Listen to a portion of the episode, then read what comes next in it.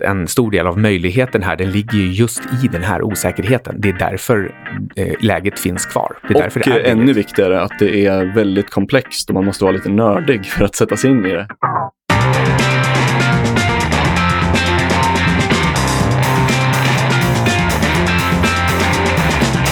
Hej! Du lyssnar på 25 minuter med Syding och Sundström och det här är del två i vår uranbolagsgenomgång. Så lyssna gärna på förra avsnittet om du inte har gjort det redan. Um, ja, vi, uh, vi hoppar väl liksom rätt in i uh, fortsättningen. Eh, det är väldigt många osäkerheter med, när man ska analysera de här bolagen och branschen. Ja, det är det verkligen. Men eh, som vi sa där i slutet på förra avsnittet så det är ganska ovanligt att man får en sån här setup. Att eh, du kan satsa på en hel sektor med säkerhet utan att behöva stockpicka enskilda bolag, vilket är trevligt. Ja, um, jag skulle vilja lägga in en liten brasklapp att enkla makrocase är ofta um, en, en fint, en, en, en, luring på något sätt. Ehm, men i det här fallet så tror jag ändå på att det här caset funkar. Det har bland annat att göra med att cyklerna är så långa när du investerar i kärnkraftverk. Att det, det, det, det blir så helt enkelt att sakerna tar lång tid. Så att om man vågar gå in så, så kan man fånga uppgången långt innan liksom, cykeln tar fart. Eh, man kan ha otur att det tar liksom, tre år extra. Jag var själv inne i Studsvik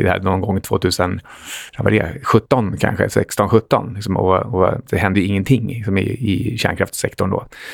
Och ehm, eh, ja, nu några år senare så ska väl sannolikheten ha ökat väsentligt för att det nu faktiskt tar fart. Och vi har ju sett till exempel priset dubblas och aktierna dubblas och tripplas. Och det, liksom, nu känns det verkligen som att nu börjar det på riktigt. Eh, så jag tror man har fångat eh, den här uppgången nu. Ja, jag tror, som jag nämnde lite där förra avsnittet, att eh, jag tror det är lite analogt om man går in i uransektorn nu. Att det är lite som om man gick in i bitcoin ungefär innan nyår 2020. Ja, man, eh, man ligger i alla fall före majoriteten. Det är inte så många som lyssnar när jag pratar om uran. Så eh, jag tror det finns, det finns definitivt en, en rejäl uppsida i uppmärksamhetsprocenten. Kan man säga. Om, om man kan få vissa investerare att flytta från den här eh, halvkonkursmässiga biograf, biografen AMC. ja. som är, ja, den ska vi inte gå in på ens. Men, men om man kan få dem att flytta lite till uranbolag istället, så då kan det hända grejer. Ja, verkligen. Det är som sagt en jätteliten sektor för. Så att eh, med, jag vet inte vad, vad den står nu, men som sagt, där, någon gång i mitten av april var den typ 25 miljarder dollar hela sektorn. Det är ju pyttelitet. Mm.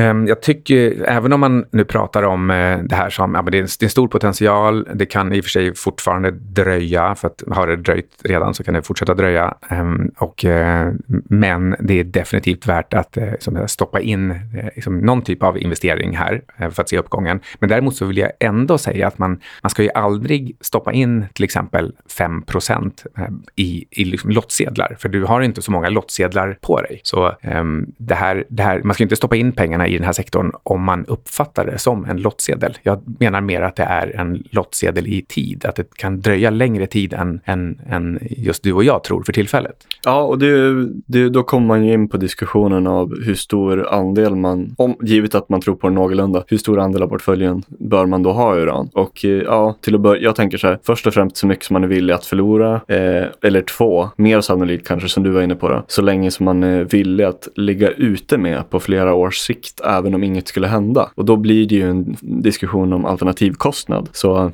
till exempel, om man tror att eh, uran kommer gå upp 10 till 20 gånger på fem år, givet att man har köpt en massa små miners då, eller liknande. Då, eh, och så avsätter man kanske 5% av portföljen till det under, ja, framöver. Men man är villig att sitta på det i kanske fem år eller något sånt där för att se där den här tesen utspelar sig. Ja, i så fall kan ju det ge mellan 50 till 100% totalavkastning. Men medan man har kanske resterande 95% av portföljen i säkrare tillgångsklasser eller aktier. Jag tror eh, nyckelpunkten ehm, eh, här är att verkligen i det här fallet tänka på, på det som en, en riktig investering. Det vill säga att du måste ha tre, fyra, fem års eh, horisont när du går in. Du kan liksom inte bara hoppas att... För det, för det, det kommer inte hända någonting i, i, i, flera av bolagen. Så, liksom till exempel GoVX som jag äger.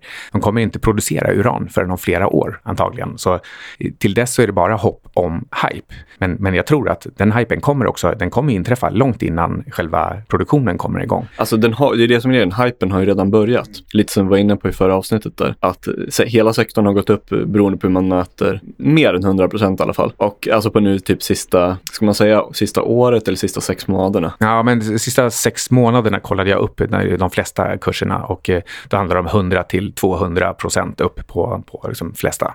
Mm. Men någon, någon hade gått lite mer kanske, men uh, ungefär så. Mm. Och, eh, och då, det är ju, då har ju ingenting ändrats utom det som vi snackar om, att det här kan hända. Då. Och de som är, det är många väldigt duktiga och pålästa investerare som varit inne där sedan ja, innan 2007-bubblan där, som är beredda på det igen. Liksom. Så det är mycket att de har snackat upp det och så vidare. Mm. Alltså det är ju märkligt följsamt att eh, priset på uran har gått från ungefär 15 till 30 och kurserna har gått ungefär 100 procent. Alltså det är, det är liksom lite märkligt. Det är inte riktigt så den här sektorn egentligen borde fungera. Det är lite för tidigt, de är fortfarande inte lönsamma på 30 och så vidare. Um, men uh, jag, tror, jag tror det är ändå en signal om att när man kommer över ett tröskelpris uh, framöver någon gång, kanske över 45 eller någonting sånt, då kan liksom, de här aktierna kan explodera uppåt. Ja, verkligen. Uh, och um, jag, menar, jag har en väldigt koncentrerad portfölj. jag tycker man ska tänka igenom hur man konstruerar sin portfölj. För om man säger att man vill sätta 5, 10 eller 15 procent i en specifik, ett specifikt tema, då måste man också fundera över vilka teman är det man då utesluter ur sin portfölj. Eh, men jag har ju tänkt igenom vad jag vill ha i min portfölj och då har jag slutat med, liksom, det, slutsatsen blev att jag har 15 procent i de här urangruvorna och sen har jag en del eh, rätt mycket guld och eh, såna här seriella förvärvare och ja, lite andra grejer. Aselio inte minst. Men, men eh, jag har ju då kommit fram till att jag vill ha 15 procent i uran. Men det är, alltså det är ju oerhört mycket egentligen. Det, är som, det har ju bara plats med, med sju sådana investeringar. Ja, eh, om, vi, om vi sen tänker lite på så här dynamiken. Hur kan det här utspela sig framöver? Då tror jag man först och främst ska studera den här 2007-cykeln. När priset gick upp väldigt mycket sist, hur det hände då. För då, finns det, då kan man se vissa vissa likheter och skillnader i förhållande till uransektorn där och vad som man kan tro kan hända. Eh, men några allmänna lärdomar, vi kommer gå in på fler lärdomar senare, men några allmänna lärdomar det är att eh, det kommer antagligen att gå i flera etapper. Så om man jämför med till exempel bitcoin här nu förra året, hur det gick, att det gick bara stadigt uppåt i ett år typ från 5 000 till 60 000. Sen har det ju varit neråt sen dess, jag tror, jag tror det stannat av alltså. Men eh, det är en annan diskussion. Men jag tror inte uran kommer gå gå på det sättet. Utan jag tror det kommer gå upp och ner flera gånger i flera etapper och mycket över mycket längre tidsperiod. Ja, det är... Um det, det, det, det är liksom, hela, hela sektorn har eh, förutsättningar för just den typen av dynamik. Bland annat på grund av de här liksom, lagren som eh, kärnkraftverken själva håller och det här med eh, de här nya bolagen som går in för att just eh, själva köpa in till eget lager för att spekulera i priser och sen sälja vidare till kärnkraftverken. Det, eh, och de oerhört långa cyklerna för att både starta nya gruvor och få upp, få upp eh, material och inte minst bygga kärnkraftverk. Det tar ju oerhört lång tid. Eh, alla de här just långa ledtider, det gör att det kommer ibland vara eh, obalans uppåt och ibland obalans neråt. Och sen lägg på det någon typ av spekulativt eh, som element som, som driver det ännu mer. Liksom just när folk får FOMO så dricker vi upp det, liksom, kurserna något, något liksom enormt och sen kommer man på att ja, det kommer ju ingenting när liksom, kvartalsrapporterna kommer. Så jag tror, ja, jag håller helt med, det kommer gå i ganska um, intensiva cykler på vägen mm. upp. Och då, då, det enkla är att bara köra buy and hold och sitta på det i fem år eller någonting. Men sen, sen när det väl börjar nå toppen så att säga, då ska man verkligen göra en exit fort. Eh, det är ju kanske den största lärdomen från 2007-cykeln där, att det gick väldigt fort ner efter, eh, efter den nådde toppen. Så, men, men toppen kan ta mycket längre tid att nå den här gången. Och anledningen till att det kan bli så är att nu finns det fundamentalt stor brist i världen på uran närmaste typ tio åren. Och eh, det, det kan göra att cykeln kan bli fördröjd och gå mycket långsammare än den gjorde sist när det, när det inte var någon faktisk brist, utan det var mer en upplevd brist och det blev en väldigt upptrissad budgivning bland de här utilitiesarna. Och det, man hoppas ju att det ska hända nu den här gången också, men den stora skillnaden är att nu måste de verkligen göra det senare. Men de behöver kanske inte göra allt på en gång som de gjorde sist, utan det kan vara en fördröjd process. Ja, vi ska väl lägga till att det är inte brist ännu, utan det är bara en beräknad brist, vilken är, liksom, den är matematisk. Om, om alla kärnkraftverk som håller på att byggas byggs, då betar man av de lager som finns och sen kommer det inte finnas tillräckligt mycket nyproduktion för att eh, räcka till kärnkraftverken. Så på så sätt så är det en brist, men inte just idag. Och vi, man kan ju tycka att det är liksom märkligt varför, om vi vet att det kommer bli en brist om eh, några år, varför köps inte priset upp innan dess? Och jag tror tror att svaret är att uran är ju så speciellt. Liksom, det är inte så att jag kan köpa upp uranet och ha det i köket, utan eh, jag, jag bara misstänker att det är så här. Annars så skulle ju någon starta fler företag och köpa upp det och bara ha det.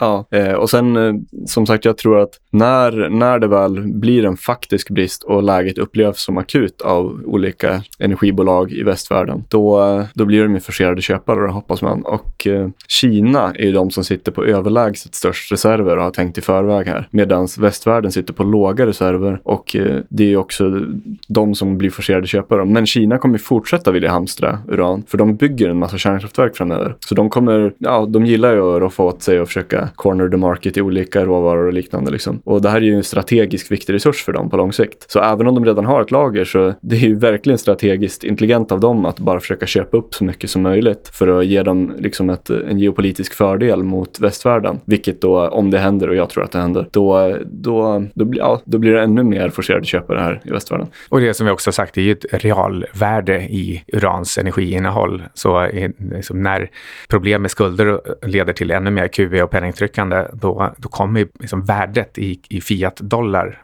vara högre för varje år som går. Så det finns liksom ingen riktig, riktig anledning för Kina att, eh, att sälja det till väst heller. Även om man skulle tycka att men nu är spotpriset högt. Men, men då är det, liksom, det finns ingen riktig poäng med att sälja det för att få liksom, lite värdelösa papperslappar från, från USA. Ja, nej men precis. Förra, I förra toppen där 2007, då var ju priset 137 dollar på sin absoluta topp. Och det skulle ju då inflationsjusterat motsvara 360 dollar i nuläget. Eh, och om de fortsätter trycka lika mycket pengar som de gjort sista tiden så kommer ju säkert det priset bara rent inflationsjusterat vara mycket, mycket högre år 2025. Då kanske den här cykeln är på sin topp eller något. Mm. Eh, jag, jag, ser ju på det här ungefär som jag ser på, på guld, men det, uran har ju liksom ett mer tydligt värde än vad guld har. Guld kan vara någon typ av spelmarker när det nya penningsystemet ska konstrueras och ritas om någon, någon gång kanske under 20-talet. Men, eh, men uran, det är ju så mycket tydligare. Du behöver eh, konstant tillgång till, till el på ett,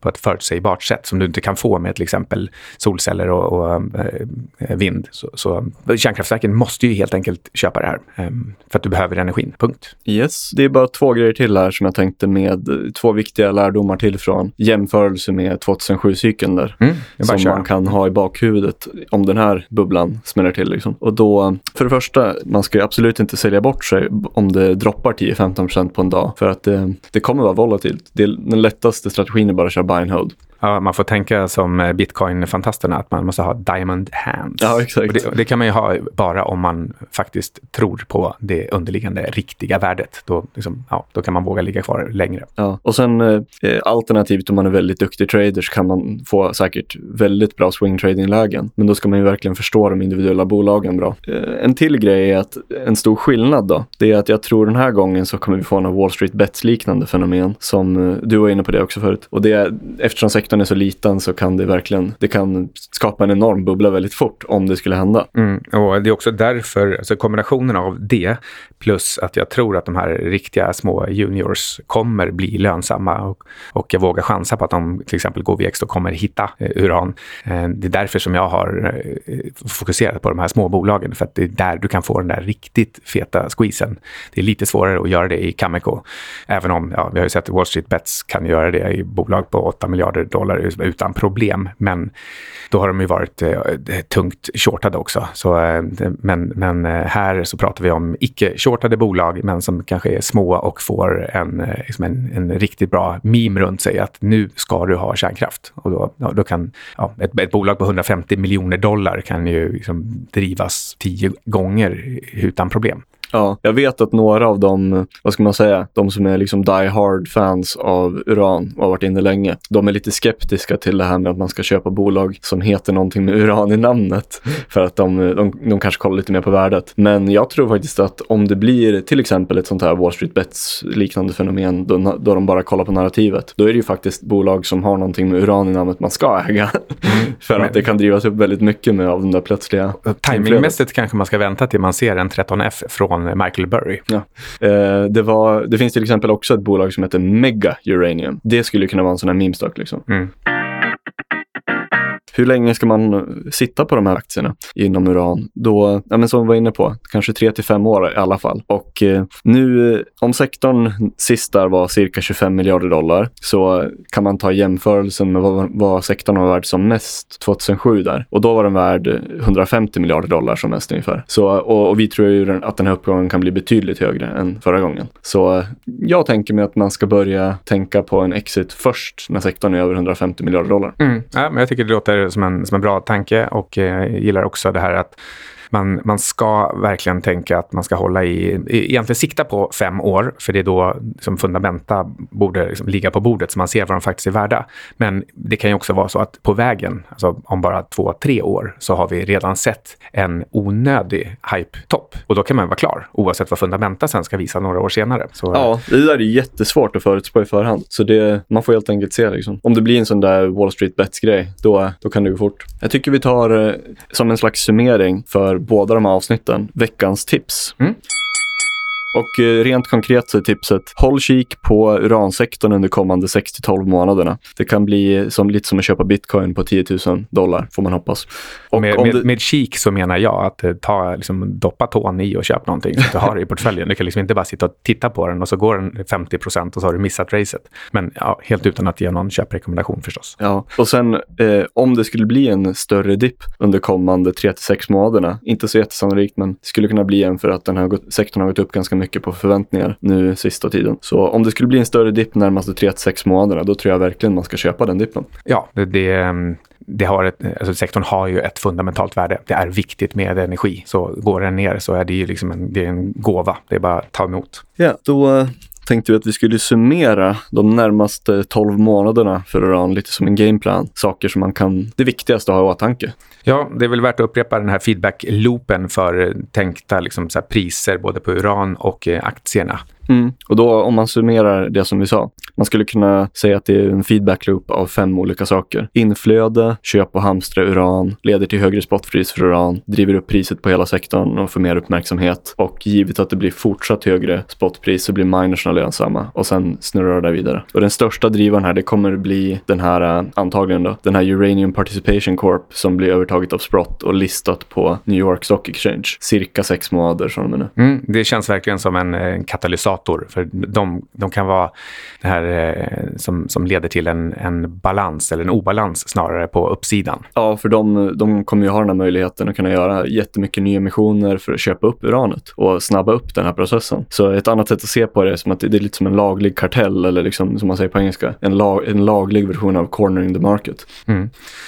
Ja, och varför kan det här hända? Varför har det inte redan hänt? Och eh, ja, varför finns det här läget egentligen? Jo, men det, kan, det ser ut att kunna bli en kronisk brist på uran de kommande tio åren. Medan 2007-bubblan, där, då var det inget eh, underskott. Det var ingen brist på utbudet. Utan det var, så att säga, inom citationstecken, endast irrationell budgivning av stora eh, energibolag. Medan nu så hoppas man få till båda de sakerna och att det fortsätter under flera år. Så de eh, fundamentala faktorerna är mycket starkare den här gången budgivningen medans man inte vet än man kan gissa att budgivningen kommer tvingas till för de måste ha det här. måste ha uranet för att det är en liten del av kostnaden för att driva ett kärnkraftverk. Så man kan, man kan säga att eh, det är en kombination av att det finns ett fundamentalt tryck bakom men också en, en typ av inbyggda trögheter i den här sektorn som gör att caset fortfarande finns kvar trots att man ganska tydligt kan se den här kommande bristen.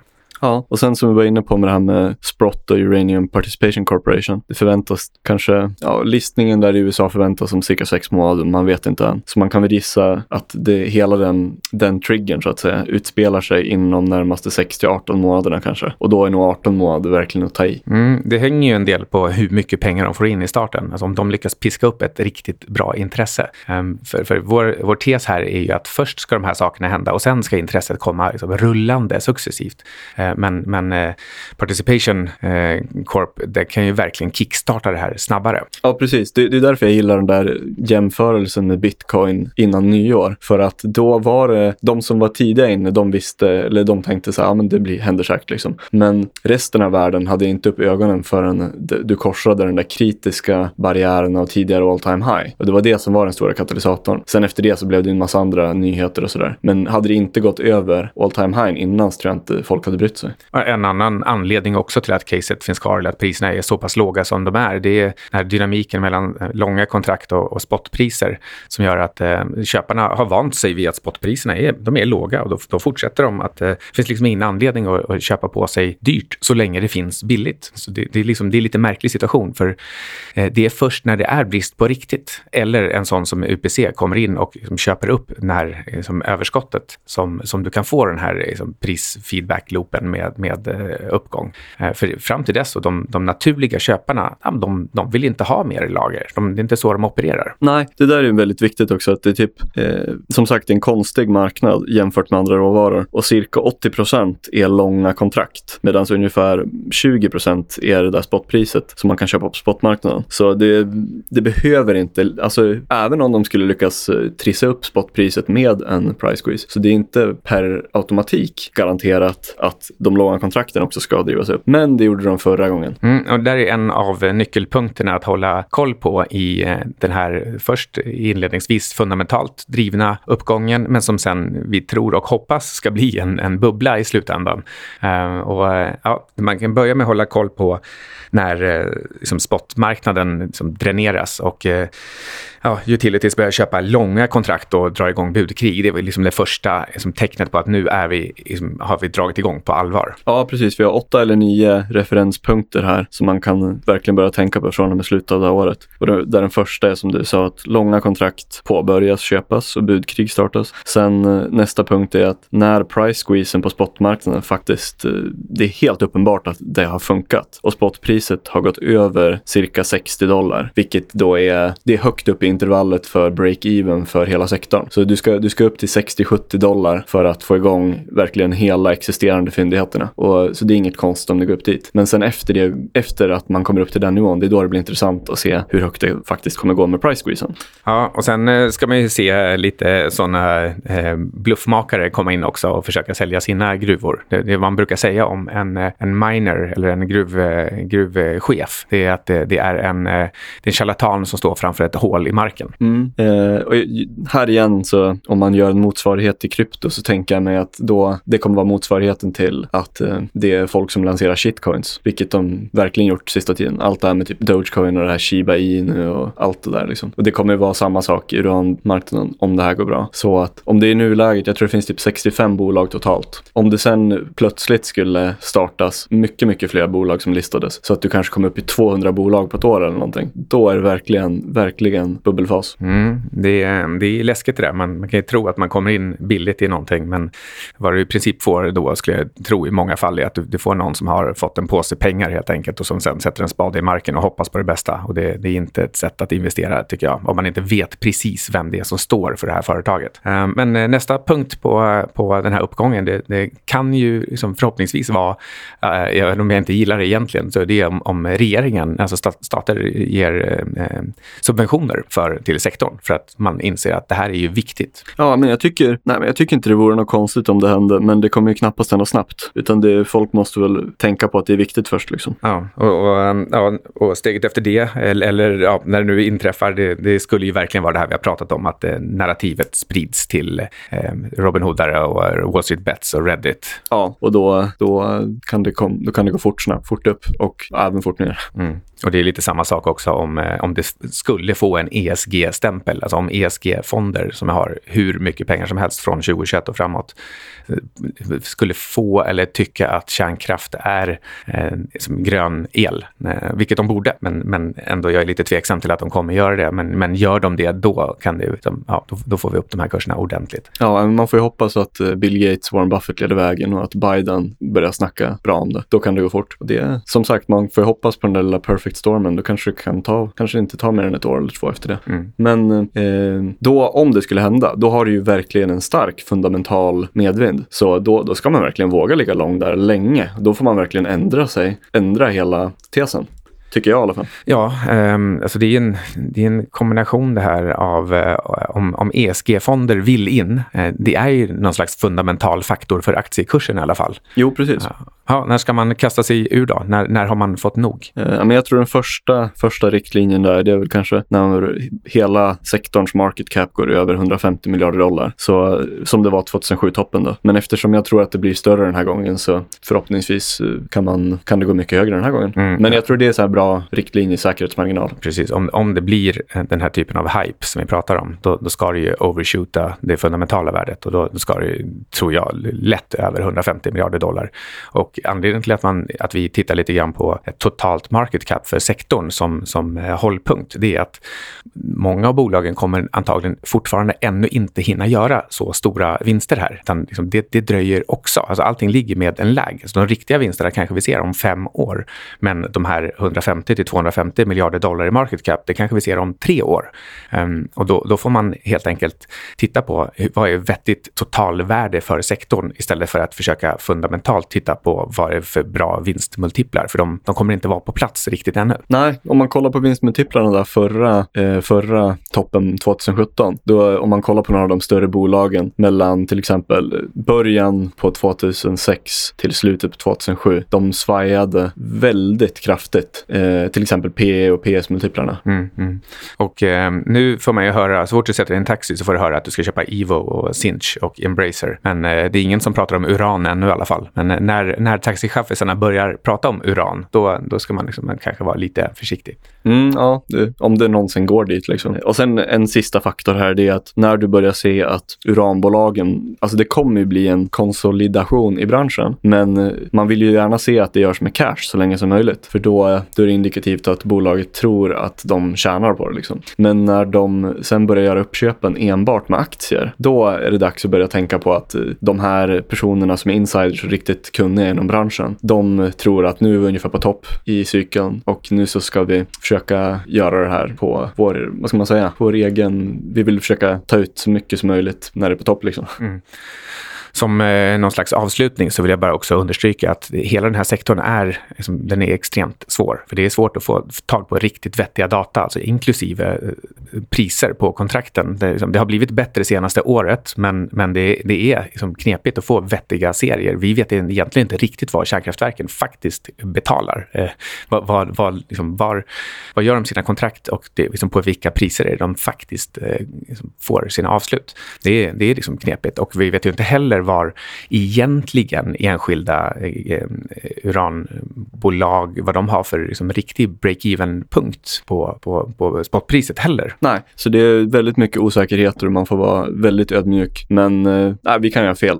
Men jag tycker vi har gjort ett ganska bra jobb med att måla upp hela bilden för hur det kan komma att bli. Och jag tror att en stor del av möjligheten här, den ligger ju just i den här osäkerheten. Det är därför eh, läget finns kvar. Det är och därför det är ännu viktigare att det är väldigt komplext och man måste vara lite nördig för att sätta sig in i det. det är, jag skulle säga att det är betydligt högre inträdes, eh, intellektuell inträdesbarriär att lära sig det här än det att lära sig diverse olika bolag på börsen. Typ att köpa de här, köpa börsnoteringar eller sitta och köpa så här Mantex eller Mandel Design in eller den här, vad heter den här nya? Sign... Ja, check, check, check in. Check in, ja. ja. Nej, men precis. Det är, det, är inte samma, det är inte de personerna som sitter och läser om det här. Liksom. Nej, alltså det är mycket, mycket roligare och häftigare att hålla på med någonting som känns som internet eller tech på något sätt. Um, men uh, ja, um, det återigen då, liksom det, det spännande här tror jag är att um, uh, när det är så osäkert och svårt att veta och även de som vet, de har, de har ju haft en kräftgång i flera år. De har liksom inte har tjänat några pengar i den här sektorn. och det är bara senaste halvåret som det faktiskt har tagit fart. Så uh, då, ja men en del vill ta hem vinsterna och en del är bara allmänt osäkra och vi understryker hela tiden att vi vet ingenting här. Så, eh, eh, men som sagt, det är det jag också tror är anledningen till att det finns fortfarande ett läge. Och fair disclosure, jag äger eh, URC och GoVX. Ja, jag äger URC och jag ska köpa ett gäng andra bolag snart. Mm. Då är vi kanske klara för idag. Eller ja, vill du gå in på någonting annat? En sista sak är och det är att eh, vi kommer summera de här två avsnitten och eh, lägga upp det på finanskursen.se och vi kommer länka det i avsnittsbeskrivningen också. Grymt. Då har du lyssnat på 25 minuter. Yes, ha det så bra.